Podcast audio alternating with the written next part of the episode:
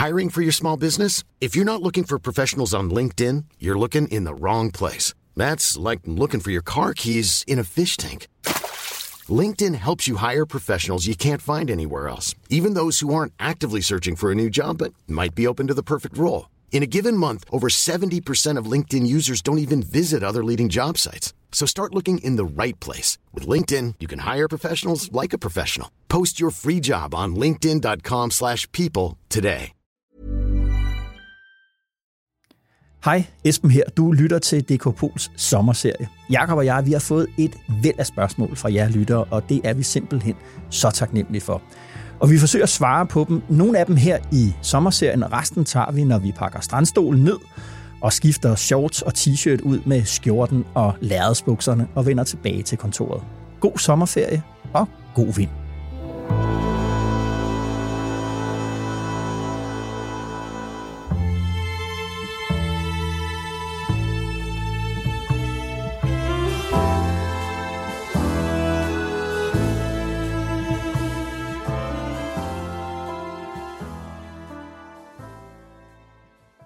Jakob, Hej Esben. Jakob, det er sidste sommerferie DK Pol special episode, vi skal lave nu. Det er det. Ja, og vi skal have krystalkuglen øh, frem. Katrine, hun skriver, Hej Esben og Jakob, først og fremmest tusind tak for altid gode episoder. DK Pol er så absolut min favorit blandt de efterhånden rigtig mange politiske podcasts, der findes i medielandskabet. Jeg kunne godt tænke mig en snak om fremtidsplanerne for partierne i Danmark. Måske særligt de regeringsbærende og, og eller tone, toneangivende. Hvor vil de hen? Hvad skal der ske om, om 10 år? Det heldige her, Jacob, det er jo, at det ikke kræver så meget øh, research at se ud i, øh, ud i fremtiden, og så alligevel. øh, for øh, som den tyske filosof Heidegger sagde, så ligger fortiden jo ikke bare bagude, den, øh, som noget, man har, man har efterladt. Øh, den, den former også ens øh, fremtid, og på den måde så løber fortiden også en sådan i forvejen. Det er jo det. Ja. Øh, så det skal vi, øh, der, der skal vi alligevel, øh, vi kigger både tilbage og frem, kan man sige. Øh, og så er det jo den sidste sommerliste-tid. Top Oh, 3 yes. over de øh, værste afholdte pressemøder. Dem der skæg. Er det bliver sjovt? Ja. Krystalkugler og pressemødet for helvede. Velkommen til DKP.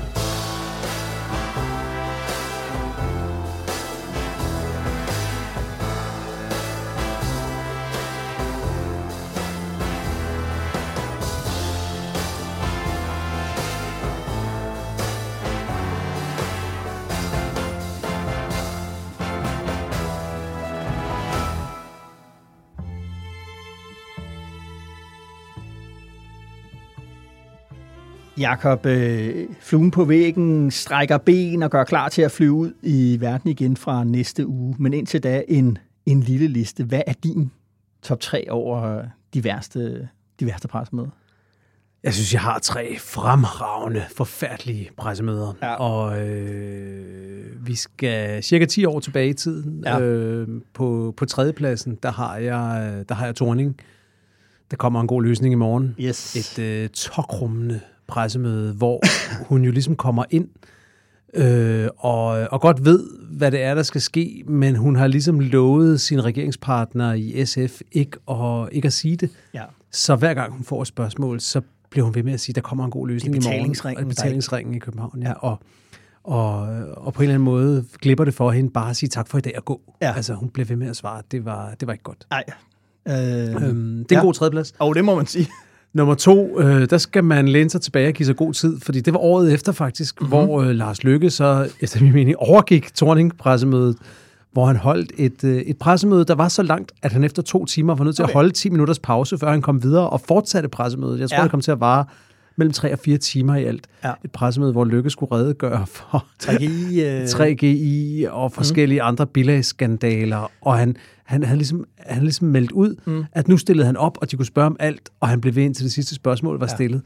Og det var jo et vanvidspressemøde. Ja. Men, Men, men, men, det havde også den effekt, at han slap igennem det. Der er to ting at sige til det. For det første kan man sige spørgsmålet er, hvem var det egentlig værst for det pressemøde? Ja. Øh, Lykke eller, eller, eller, eller pressen? Ikke? Fordi jo. det der jo kom, kom frem, det var, at man, han kom jo med en, en eller anden form for redegørelse, og Ja. journalist, altså på, på selve tidspunktet, hvor altså, han kom ind til pressemødet, og så fik folk papirerne i hånden.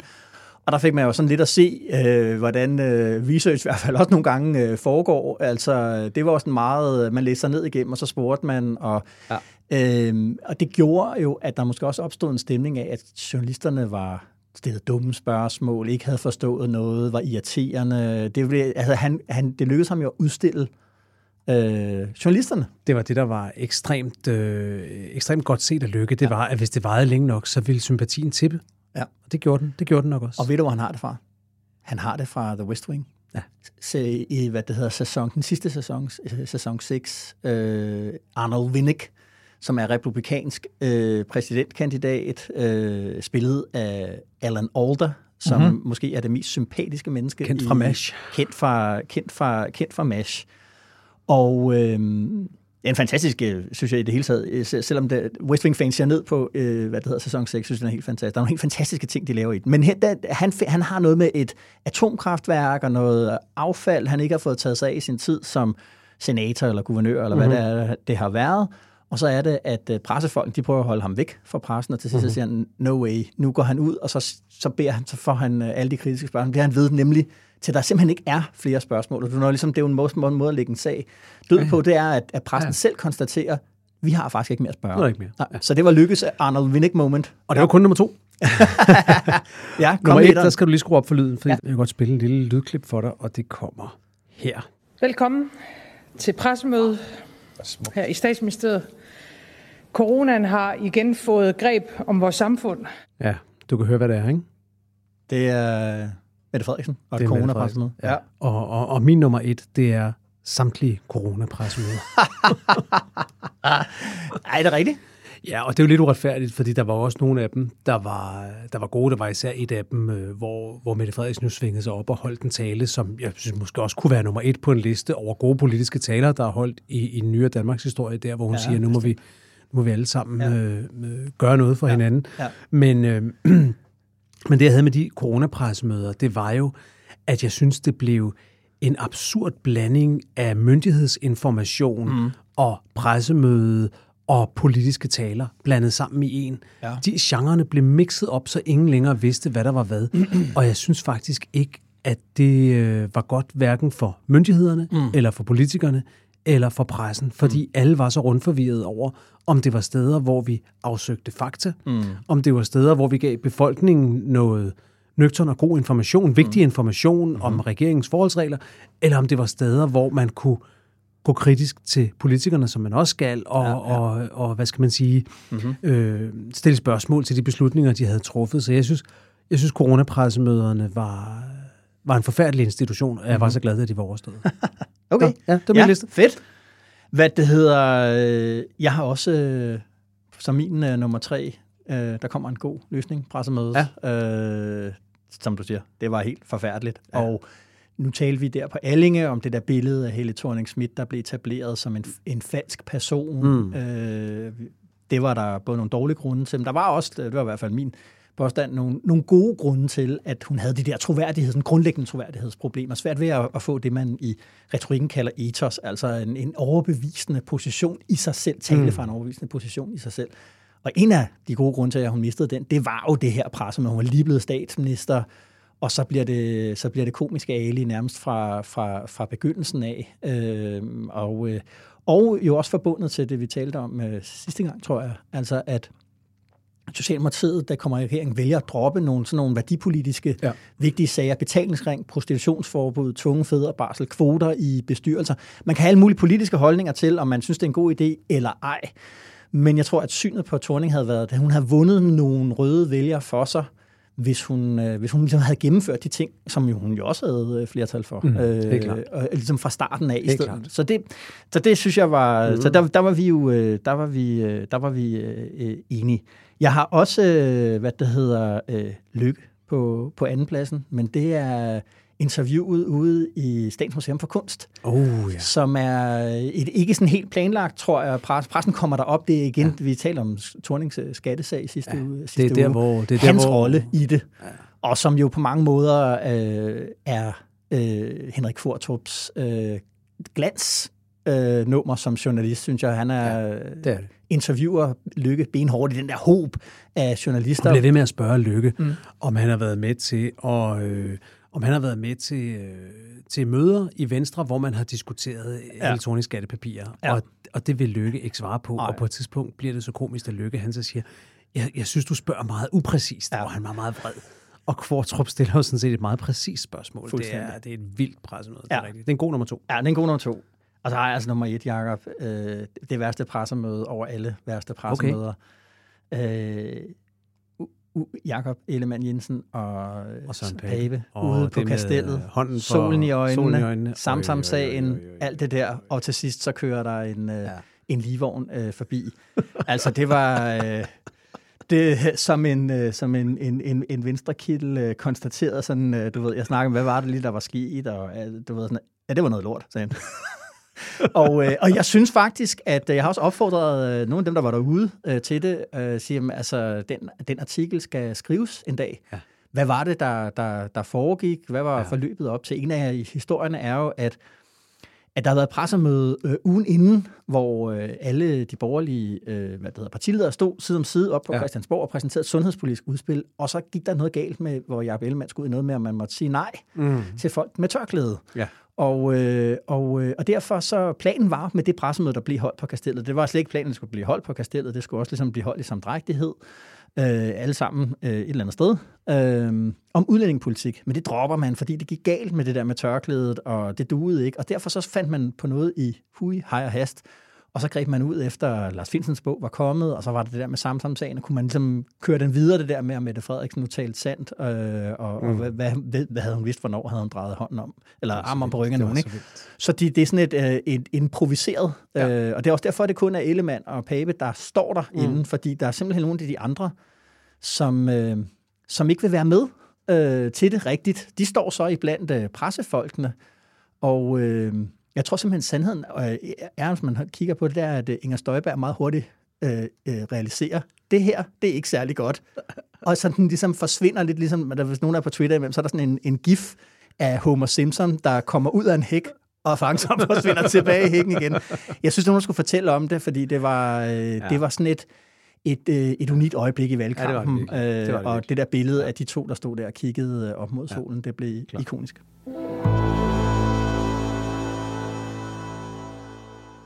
Alright, Jakob. Øh, frem med, frem med krystalkuglen. Dansk politik om 10 år, hvis vi tager udgangspunkt i ligesom det, der er øh, lige nu, nemlig at blokkene er det, vi er vant til op igennem øh, nullerne og tierne, nemlig at dansk politik er styret efter blokpolitik. Øh, og der er det helt store spørgsmål jo nu strategisk og, og, og, øh, og sådan reelt politisk vender blokkene tilbage, ja eller nej? Det tror jeg næsten at, at må være en af de måder at sige, hvad sker der om, om 10 år, uden at vi bare står og tænker, jamen på, om 10 år har vi fået mm. flyvende biler eller et eller andet. Ja.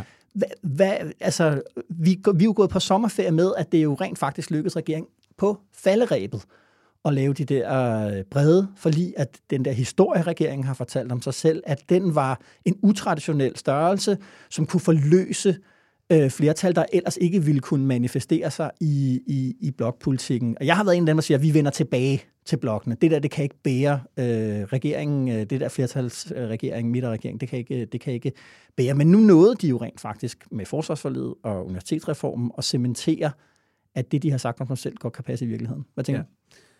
Ja. ja, altså, alt kan ske i politik.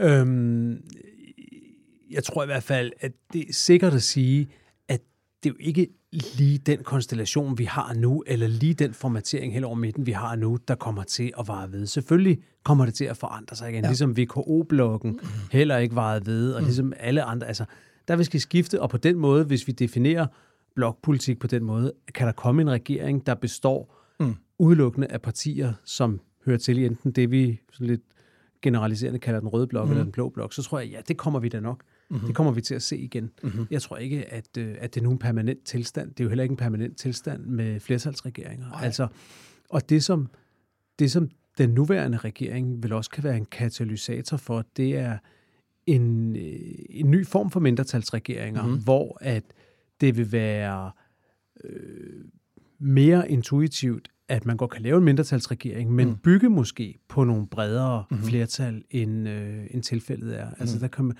som det er lige nu, er det, jo, er det jo meget svært at forestille sig et parti fra den blå blok pege på Mette Frederiksen som statsminister, uden selv at få del i regeringsmagten. Ja. Men det er jo ikke sikkert, at det bliver ved, sådan set. Altså, det kunne man jo godt forestille sig, at man kom til den situation, og at det så havde nogle fordele indbygget for nogle partier, som gjorde, at de hellere ville mm-hmm. det end alt muligt andet, eller simpelthen fordi, at de ikke synes, de havde andre muligheder. Ja, ja.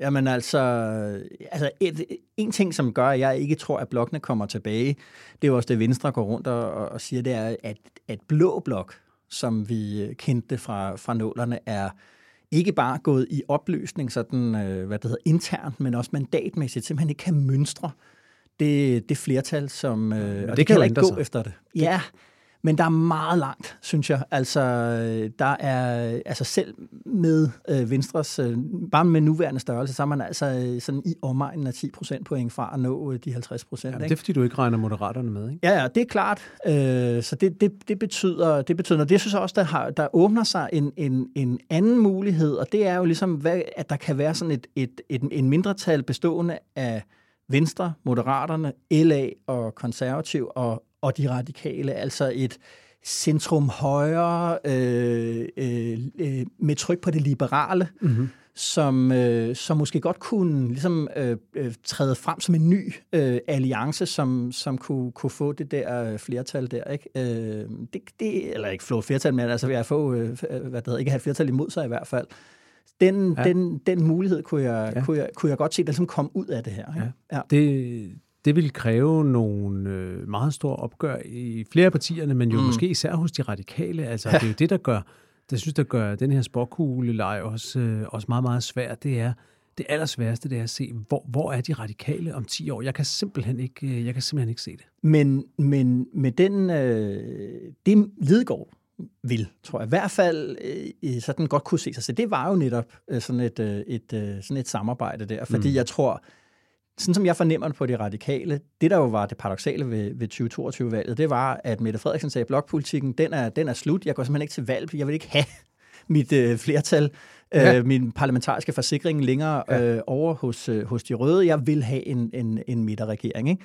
Og der var de radikale det sidste, det er sjovt nok, at dem, der havde øh, protesteret og grædt og slået sig i tøjet over blokpolitikken, var de sidste, der ligesom honorerede det ved at pege på Mette Frederiksen lige så snart de ja. sagde, at, øh, at vi havde væltet dem. Ikke? Og der var der jo kræfter i, hos de radikale, der som, det, det var simpelthen en kæmpe fejl. Vi skulle ja. have, der skulle vi have benyttet lige præcis den anledning til at sige, jamen så vil vi ikke sige, hvem der skal være kongelig, eller vi peger på Jakob Ellemann som kongelig øh, undersøger. Ikke? Eller vi ser efter valget, ligesom ja, ja. ja. ja. Og ja. der synes jeg, at øh, altså, den position tror jeg, at de radikale nu er, altså, er med på. Mm. De kommer ikke til at, at gå til valg med, ja, Mette Frederiksen skal være øh, kongelig øh, undersøger. Nej. Så på den måde, så kan man sige, så, kan der, så, så tror jeg, at, øh, at den bevægelse er i gang. Men du har ret i, at, at altså, der er noget, og det er jo ikke bare i baglandet hos de radikale, det er jo bare kontoret ved siden af, inde hos Martin ja. Lidegaard. Hvad synes øh, Senior Stampe egentlig ligesom er, er mm. vejen frem? Ikke?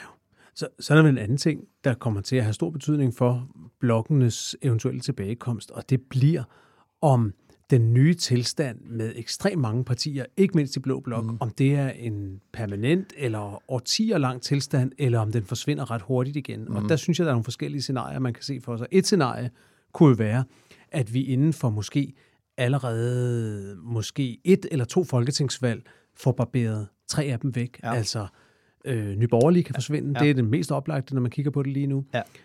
Moderaterne ser rigtig godt ud lige nu, som mm. vi står og snakker her i sommeren 2023. Mm. Men ja. hvad hvis Løkke ikke er der længere? Ja. Altså, det, det parti er ikke rodfæstet nok endnu til, at vi kan sige, at øh, de har en lang fremtid i dansk politik. Overhovedet ikke. Og så har vi øh, Inger Støjbergs parti, Danmarksdemokraterne, ja enpersonsparti, mm. selvfølgelig med nogle gamle DF'er og erfarne parlamentarikere og, og noget, men, men, men hvad er altså, ja, ja. Er, er, der, er der basis for sådan et provinsparti, øh, som det jo, som vil er hendes primære, øh, hendes primære øh, salgsargument over mm. for vælgerne? Mm. Hvis de tre partier forsvinder, mm. så kan det godt betyde, så har vi pludselig måske et eller to store borgerlige partier igen. Det kan være Venstre kan tage mm. det, det kan være konservative på en god dag kan ja. tage det, det kan oh. være Liberal Alliance, mm. vokse op, who knows, men det kan godt genetablere en situation, hvor det bliver mere realistisk at snakke om, øh, om blokkene igen. Fordi som det er lige nu, så er blå blok nok så fragmenteret mm. og helt eksploderet, at det ikke rigtig er realistisk at tale om. Men så lad os kigge over hos, øh, hos, øh, der hos Centrum Venstre. Øh, vi, vi, vi taler om i episoden med Mette Frederiksen, det der med, at, at hun jo allerede øh, frem mod 19-valget er ude at opløse blokken, som, mm. øh, så, hvor hun siger, vi, vi, vi står i midten, vi vil ikke lade os mm. trælbinde. Og det, der var sjovt, det var, at, at øh, lige inden vi på sommerferie, der var der et øh, interview med det, der kan blive hendes øh, efterfølger, Peter Hummelgaard, i Weekendavisen, hvor han jo faktisk altså, siger nøjagtigt det samme, det, at, at det er ikke sikkert, at, at Socialdemokratiet ligesom skal se som nogen, der står på toppen af en, af en, af en, af en rød blok. Altså han holder fast i det der midterprojekt, som handler meget om, at Socialdemokratiet anser sig selv for, det sagde Hummelgaard også til mig inden, øh, inden folketingsvalget sidste år, det der med, at vi er det sidste folkeparti. Vi er det sidste parti, der kommer over 25 øh, procent. Vi er det, vi er det sidste, der har den der bredde i netop den der tendens mod mm. fragmentering og fragmentering. Og det er jo, altså, det synes jeg, det er jo interessant, at han siger det, fordi der var en opfattelse, jeg har også selv øh, advokeret for den, nemlig at at Hummelgaard var mere en, en, en rød blok statsminister, mm. øh, end, øh, en, en varme var, eller øh, en Morten Bødskov kunne være. Ikke? Og, det, og så det, det er, der er også noget, der kommer til at handle om, hvad, hvad vil Socialdemokratiet? Den, den melding fra Hummelgaard læser jeg også meget som hans forsøg på at komme tilbage i den interne positioneringskamp i Socialdemokratiet, hvor jeg tror, at han, øh, at han kom til at gå for langt, i, da, da det pludselig så ud som om, at Mette Frederiksen mm. var, var væk. Så kom der opgøret mellem ham og Bødskov om, mm. hvem der skulle være nummer to under varmen. Og Hummelgaard, eller i hvert fald nogle af hans folk, var meget langt fremme i både at tegne et billede af Morten Bødskov, som meget højorienteret, men også at sige nogle ting om Nikolaj Vammen, som, øh, som, ikke, som blev taget ilde op i partiet. Mm. Han har behov for at komme tilbage, og han har behov for at placere sig selv, ikke som venstrefløjskandidat, mm. også, så måske også ud fra en erkendelse af, at Socialdemokratiets fremtid i det næste, i den, den tid, vi kan se frem ja. i, er som et midterparti. Mm-hmm.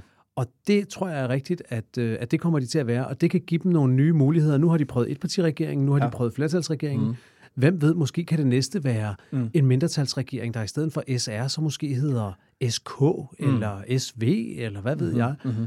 Og, og, og så er spørgsmålet, synes jeg, når man kigger længere frem, om det er en permanent position, at de er det eneste tilbageværende folkeparti. Ja. Hvad, nu, hvis, ja. hvad nu hvis Pia Olsen Dyrs SF ja. fortsætter succesen? Altså, der er vel grænser for, hvor længe Pia Olsen Dyr selv kan holde ud, jo. men hvis hun nu får en dygtig efterfølger, mm. der kan bygge videre på succesen, hvad hvis de bliver det største parti? Ja, den har jeg svært ved at, øh, svært ved at tro. Jeg tror, at SF er som parti genetisk forbundet til, til Socialdemokratiet, ja. og derfor ligesom er i en eller anden øh, enten forbundne kar eller omvendt ja. forbundne kar forhold ja. til, til, til Socialdemokratiet. Så du og, siger, at Socialdemokratiet er det største parti i Danmark? Punktum. Mm, altså, det, det, det, nej, det ved jeg ikke, om jeg gør, fordi jeg har også den der tanke om, at, altså, at, øh, ja, det kan godt være, at de er de største af dem, der er. Øh, det der med, om de kan fastholde det der med at være Folkepartiet, altså hvis vi nu siger, det er selvfølgelig et vilkårligt at sige, om 25 procent af vælgerne, så er du et Folkeparti. Der er jo stadigvæk så rigtig mange vælgere, der ikke er en del af den konstellation. Øh, men men, men jeg, vi har jo set øh, meningsmålinger indimellem, hvor, hvor også nu jo, hvor, hvor Socialdemokratiet ligger på, på lige, kun lige over 20 procent. Ikke? Og, øh, og det, det, altså jeg, jeg tror, at vi træder ind i en fase, om det så er om 10 år, eller om det er om 15 eller 20 år, men jeg tror, at, vi, at den der fragmentering af Folketinget, færre og færre partier, men også en pludseligt opstået partier. Færre og færre? Nej, nej, flere og flere, flere partier. Flere, ja. øh, pludseligt opstået, pludseligt forsvindende, altså øh, ligesom alternativet øh, øh, var, er. Øh, altså, øh, det, det, bliver, det bliver dagens orden, fordi mm. det er også det, jeg ser som den der motivationen for at danne det der, altså forestilling om den handlekraftige ja. midte, altså at du ligesom, så må, så må vi stå sammen flere partier, der ligesom kan gøre, quote unquote, det fornuftige, Øh, okay. Det tror jeg bliver... Det, der er en, en, øh, en bog, som jeg hvad det hedder, gerne vil anbefale der. Den, den hedder Ruling the Void. Mm-hmm. Øh, og regerer i tomheden. Ja, øh, øh, som er skrevet af en irsk øh, hvad det hedder, øh, politolog, jeg tror han hedder Peter Mayer, øh, som netop handler om, hvordan at øh, partierne øh, har mistet funktion, og at, at den måde, vi taler om demokrati på, øh, er, hvor vi ligesom prøver at tilpasse os at øh, partierne ikke længere er hvad, de, er, hvad de har været, og at folk er blevet er blevet tilskuere mere mm-hmm. end, end, øh, end, øh, end, end deltagende. Ikke? Og den, det, det tror jeg, den, den ser helt klart, det synes jeg er det, der er tendensen over mm-hmm. de sidste 40 år. Det er jo, altså, altså hvis vi bare ser de sidste 10 år, der bliver hele tiden nye partier, øh, flere, altså der er jo ikke gør jo kun de mandater, der ligesom er, ikke? Så, så det bliver mindre og mindre. Og det vil sige, min helt store krisefortælling øh, fortælling om det der, det er, at vi kommer til at have rigtig mange ting, som vi vil se, jamen det er jo super demokratisk. Masser af partier, også høj stemmeprocent, for der er masser at vælge imellem, øh, masser af debat, også meget hissig debat på Twitter og Facebook og i aviserne hos os og alt sådan noget, men det, der ligesom vil forsvinde, det er, eller blive sværere, det kollektiv, øh, det kollektiv handling, som jo også er en del af demokratiet, det er jo, at flertallet har ret til at bestemme. Det flertal bliver sværere og sværere at opnå, og derfor bliver det sværere og sværere at bestemme noget. No. Ja, men det siger du så lige på ryggen af en, øh, af en sommerferie, hvor regeringen faktisk lavede to store forlig. Men ja, ja. Det, er selvfølgelig, øh, det er selvfølgelig det helt korte sigte, men det, det, ja. det virker jo ikke som om dansk politik er handlingslammet, as we speak. Nej, altså det er også ligesom, øh, men det er, min, det er mit skrækscenarie ja, okay, på en eller anden måde okay, at sige, at okay. det er i hvert fald og så kan man spørge, hvad kan man sige, det er jo nogle diskussioner, som er rundt omkring, Jacob. Det er jo det der med, skal, hvad det hedder, øh, tærsklen for at komme ind i Folketinget mm. stadigvæk være, være 2%, eller skal, ja. den, skal den være højere op? Ja. Det, to, to af de diskussioner, som jeg synes, øh, vi skal sætte allermest strøm til her på, på, på Altinget, og som, øh, som jeg tror kan komme til at fylde noget, det er den der. Ja. Det er spærregrænsen. Ikke fordi vi har nogen holdning til det, men jeg synes, det er en spændende diskussion. Ja. Er, er, er, det, er det en del af, af demokratisikringen, mm-hmm. eller er det præcis en demokratisikring? at vi har nem adgang til at stifte partier i Danmark. Og ja. den anden, det er den, vi også har snakket om nogle gange med valgretsalderen. Ja. Jeg synes, det trænger sig mere og mere på. Og hvad vil det gøre ved demokratiet og ved blokkene? Vi mm. kan jo mhm. se, at de unge vælgere har det med at øh, vælge mere ideologiske partier. Apropos det, vi snakkede om sidste uge, ja. om ideologierne mm. er, er, er forbi. De mere ideologiske partier har godt fat i de yngre vælgere. Ja. Og vi ved fra Kasper Møller Hansens og andres valgforskning, mm. at øh, det, du stemmer på første gang, mm. er der en ret stor andel af vælgerne, der hænger ved resten af livet. Det ja. har stor betydning, hvad du stemmer på første Eller også gang. flytter man sig lige til nabokommunen. Man sig lidt, ikke? Ja, ja. Men man, er ikke, ja. man skifter ikke Nej, position. Det, det. det, det, det er super Nå, Men mm. den sidste ting, jeg tænkte på, øh, da, da jeg stod sådan her, tænker over det her igen med 2023-briller, hvis vi ikke kigger for langt frem, hvis mm. man mhm. så kigger ned over listen af partier, hvem, hvem er egentlig, nu hvor vi står på tærsklen til efterårssæsonen 2023, hvem ja. står i krise? Og ved du hvad, jeg synes, der er interessant? Mm. Det er, at de fire partier, der kom på min blog, da jeg skulle sige, hvilke fire partier har størst problemer lige nu, ja. det er faktisk øh, de fire gamle partier. Det er S, mm. V, R og K. Ja. Og S, de vil nok sidde, hvis der sidder en enkelt af dem, derude lytter nu, hvordan kan du sige, at vi er i krise? Vi er det største parti, vi har statsministerpost, det kører for vi os, det er også en, rigtigt. Øh, vi får en spindoktor i røret, når vi ja, ja. kommer tilbage. Ja de må bare ringe. Men, men grunden til, at jeg putter dem på listen, det er jo, at de står i et helt aktuelt ledelsesopgør. Så det er mm. ikke en 10-årskrise, jeg snakker om her, men mm. det er, at øh, vi ved ikke, om vi vidste ikke før sommerferien, at Mette Frederiksen var på vej til, til NATO, mm. og øh, den usikkerhed kommer til at spille videre ind i efteråret, mm. og sandsynligvis videre ind i 2024. Er hun på vej til NATO? Er hun på vej til EU? Mm. Er hun færdig som statsminister? Ja, er hun træt? Og, ja. Er hun træt? Mm. Og den ledelseskrise, øh, som det udløser, det, det, det gør, at det parti står med nogle alvorlige problemer lige nu. Mm. Så har vi Venstre. Man behøver næsten ikke at opbremse alle grunde til, at, øh, at, at Venstre... Ej, det gør jeg øh, nærmest på daglig basis. Er i krise. Når, når, når man lytter til det her, så mm. vil Jacob Ellemann jo alt andet lige være kommet tilbage i dansk politik, for ja. så er vi øh, lige inde i, i august. Ja. Så lad os ikke sige for meget om det, men det, han står med nogle udfordringer, det kan oh, man roligt sige. Ja. Så er der konservativ igen, har ikke kapitaliseret på Venstres enorme krise, har en formand, som er helt, helt usynlig, mm. og som uh, led et forsmedeligt nederlag i, i sidste valgkamp. Ja. Hvad sådan skal de gøre? Ja. Og så har vi de radikale, og don't get me started. Mm. Altså, hvad er den historiske mission? Er det til højre eller til venstre? Og hvis det er midterprojektet, hvorfor pokker er de så ikke med i det midterprojekt, der ja. kører lige nu. Ja. Der er også nogle ting at rydde op i. Så det er de fire gamle partier. Ja, og det er jo også sine. Det er meget sine. Ja.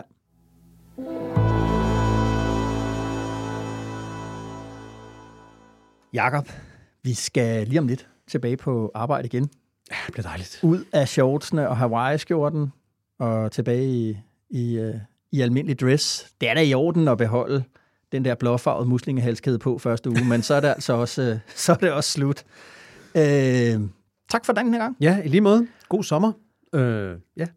Og tak til dig, os derude i sommerlandet med DK Pol i ørerne. Vi er jo endelig taknemmelige for, at du vil bruge din vigtigste ressource, nemlig din opmærksomhed på os. Vi høres ved i næste uge til Almindelig DK Pol. Mit navn er Esben Schøring, og jeg er politisk redaktør her på Altinget. Og jeg ønsker dig og dine en sidste god sommeruge og god vind.